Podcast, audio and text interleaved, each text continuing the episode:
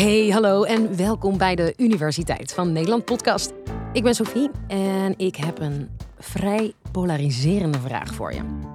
Ben jij een honden- of een kattenmens? Mhm. Ja, ik ben zelf echt gek op honden, maar soms lijkt het alsof je of een hondenmens of een kattenmens bent. In deze aflevering hoor je gedragsbioloog Claudia Vinken die uitlegt waar dat verschil vandaan komt. Dit is de Universiteit van Nederland.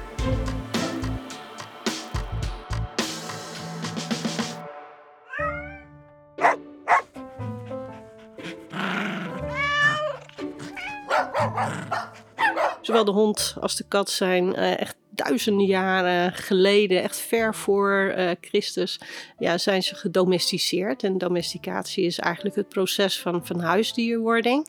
Dus we moeten ver daarvoor gaan zitten en dan zien we dat um, ja, de voorvaderen van de hond waren sociale jagers. En de voorvaderen van de kat waren solitaire jagers. En solitair betekent dat je alleen op jacht gaat. En een sociale jager betekent dat je met elkaar op jacht gaat. Nou, met name ja, sociale jacht betekent dat je echt haarfijn met elkaar moet communiceren we gaan nu op jacht, want je kan het niet alleen beslissen. Um, maar je moet daar ook ja, een soort rolverdeling communiceren van uh, ga jij voorop, um, ga jij een omcirkelende beweging maken, uh, ga jij een stootbeweging maken naar het prooidier wat je gevonden hebt. De een is ook beter om prooidieren te vinden en te zoeken dan de ander. Dus daar zit ook rolverdeling en die rolverdelingen moet je met elkaar ja, communiceren, elkaar duidelijk maken. En, en dat is wel ja, echt een, een basisverschil van de hond en de kat. De kat die daar alleen op jacht gaat. Uh, zelf kan beslissen natuurlijk van ik uh, ga het nu doen. Hij kan ook beslissen waar ga ik het doen.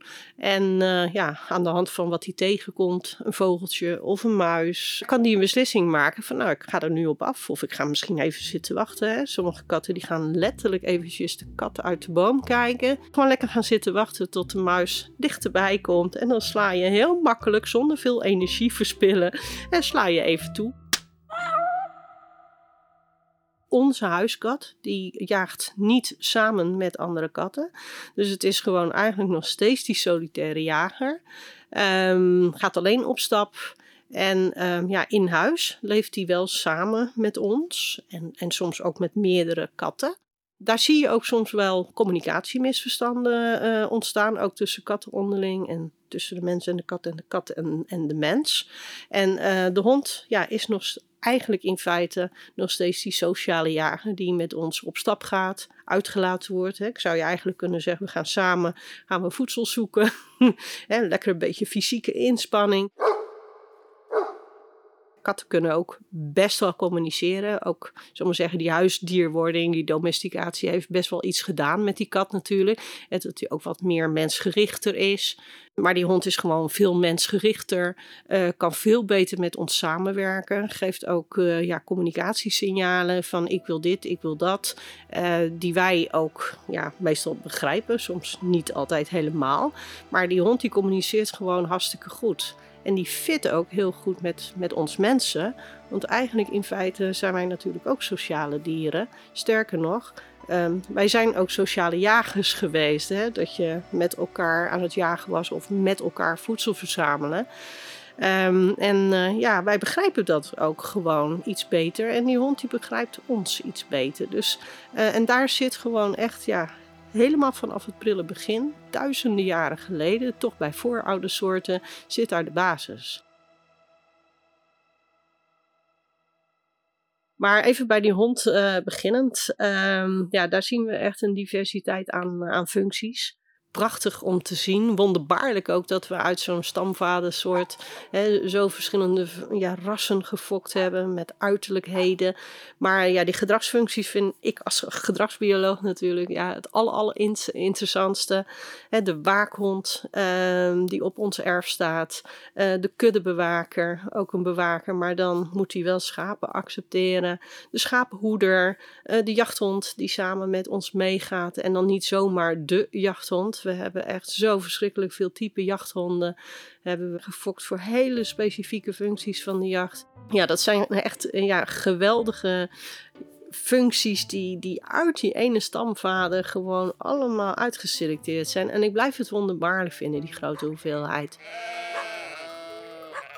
Dan zie je daar op een gegeven moment uh, in de naoorlogse periode zie je daar wel veranderingen in. Hè? Want eigenlijk waren alle honden waren toch functiehonden uh, voor de mens, in dienst voor de mens, uh, dingen doen voor de mens.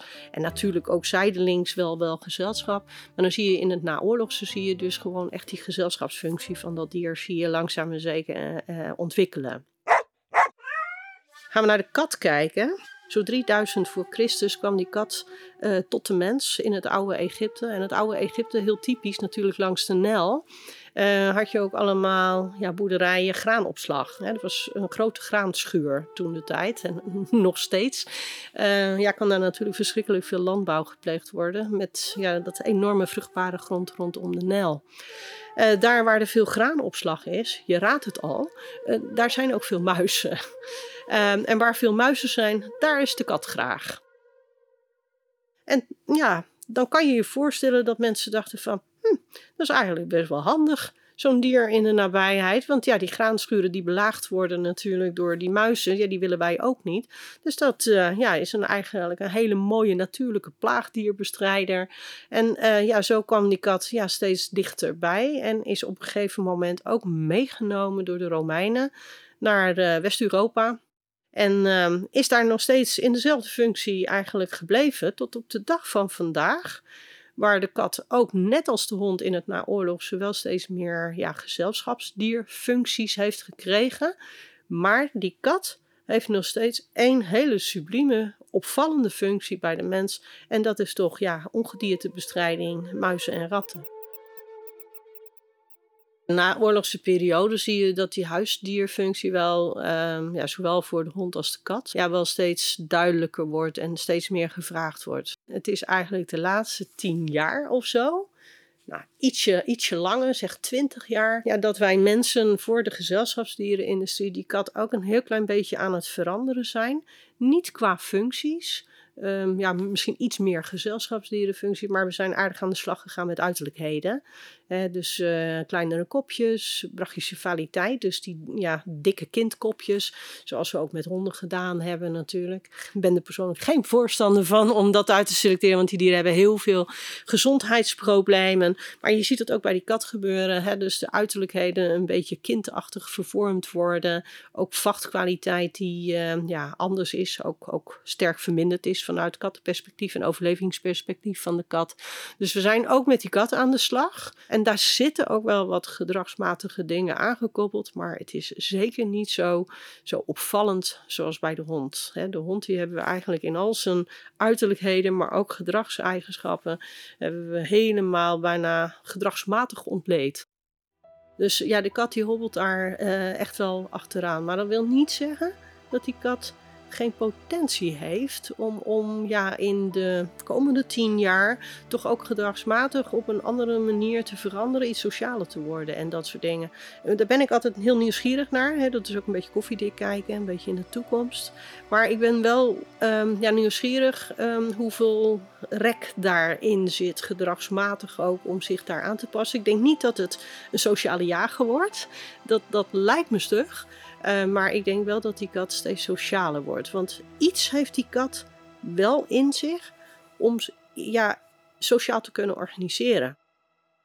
Een hele interessante is ook inderdaad die rol van die mensen natuurlijk. Want als, we, ja, als je het gaat hebben over van uh, ja, hondenmensen en, en kattenmensen. En dan komt ook de smaak en de voorkeuren natuurlijk van de mensen bij.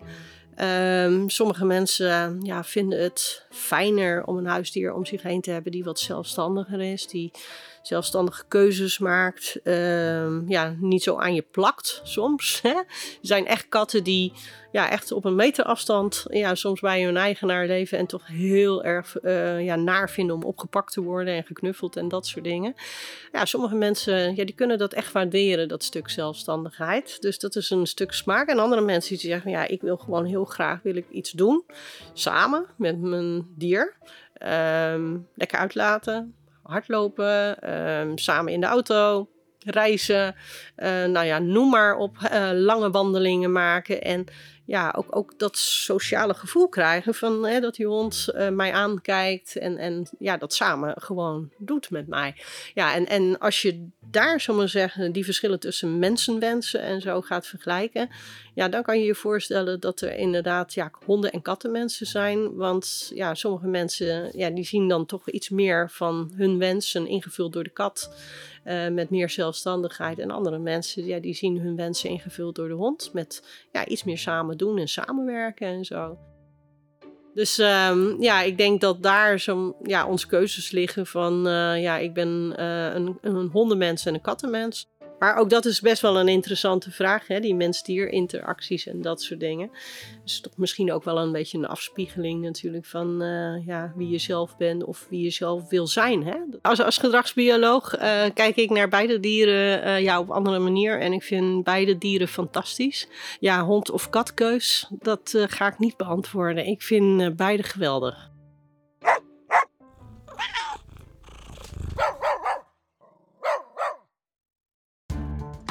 Dankjewel, Claudia. En leuk om te weten voor jou, we maken sinds kort ook een nieuwe podcast. En wel eentje met video. Check bijvoorbeeld nummer 461 of 459 en wel op Spotify. En als je dan toch bezig bent, kun je net zo goed die andere 450 ook even luisteren. Tot de volgende!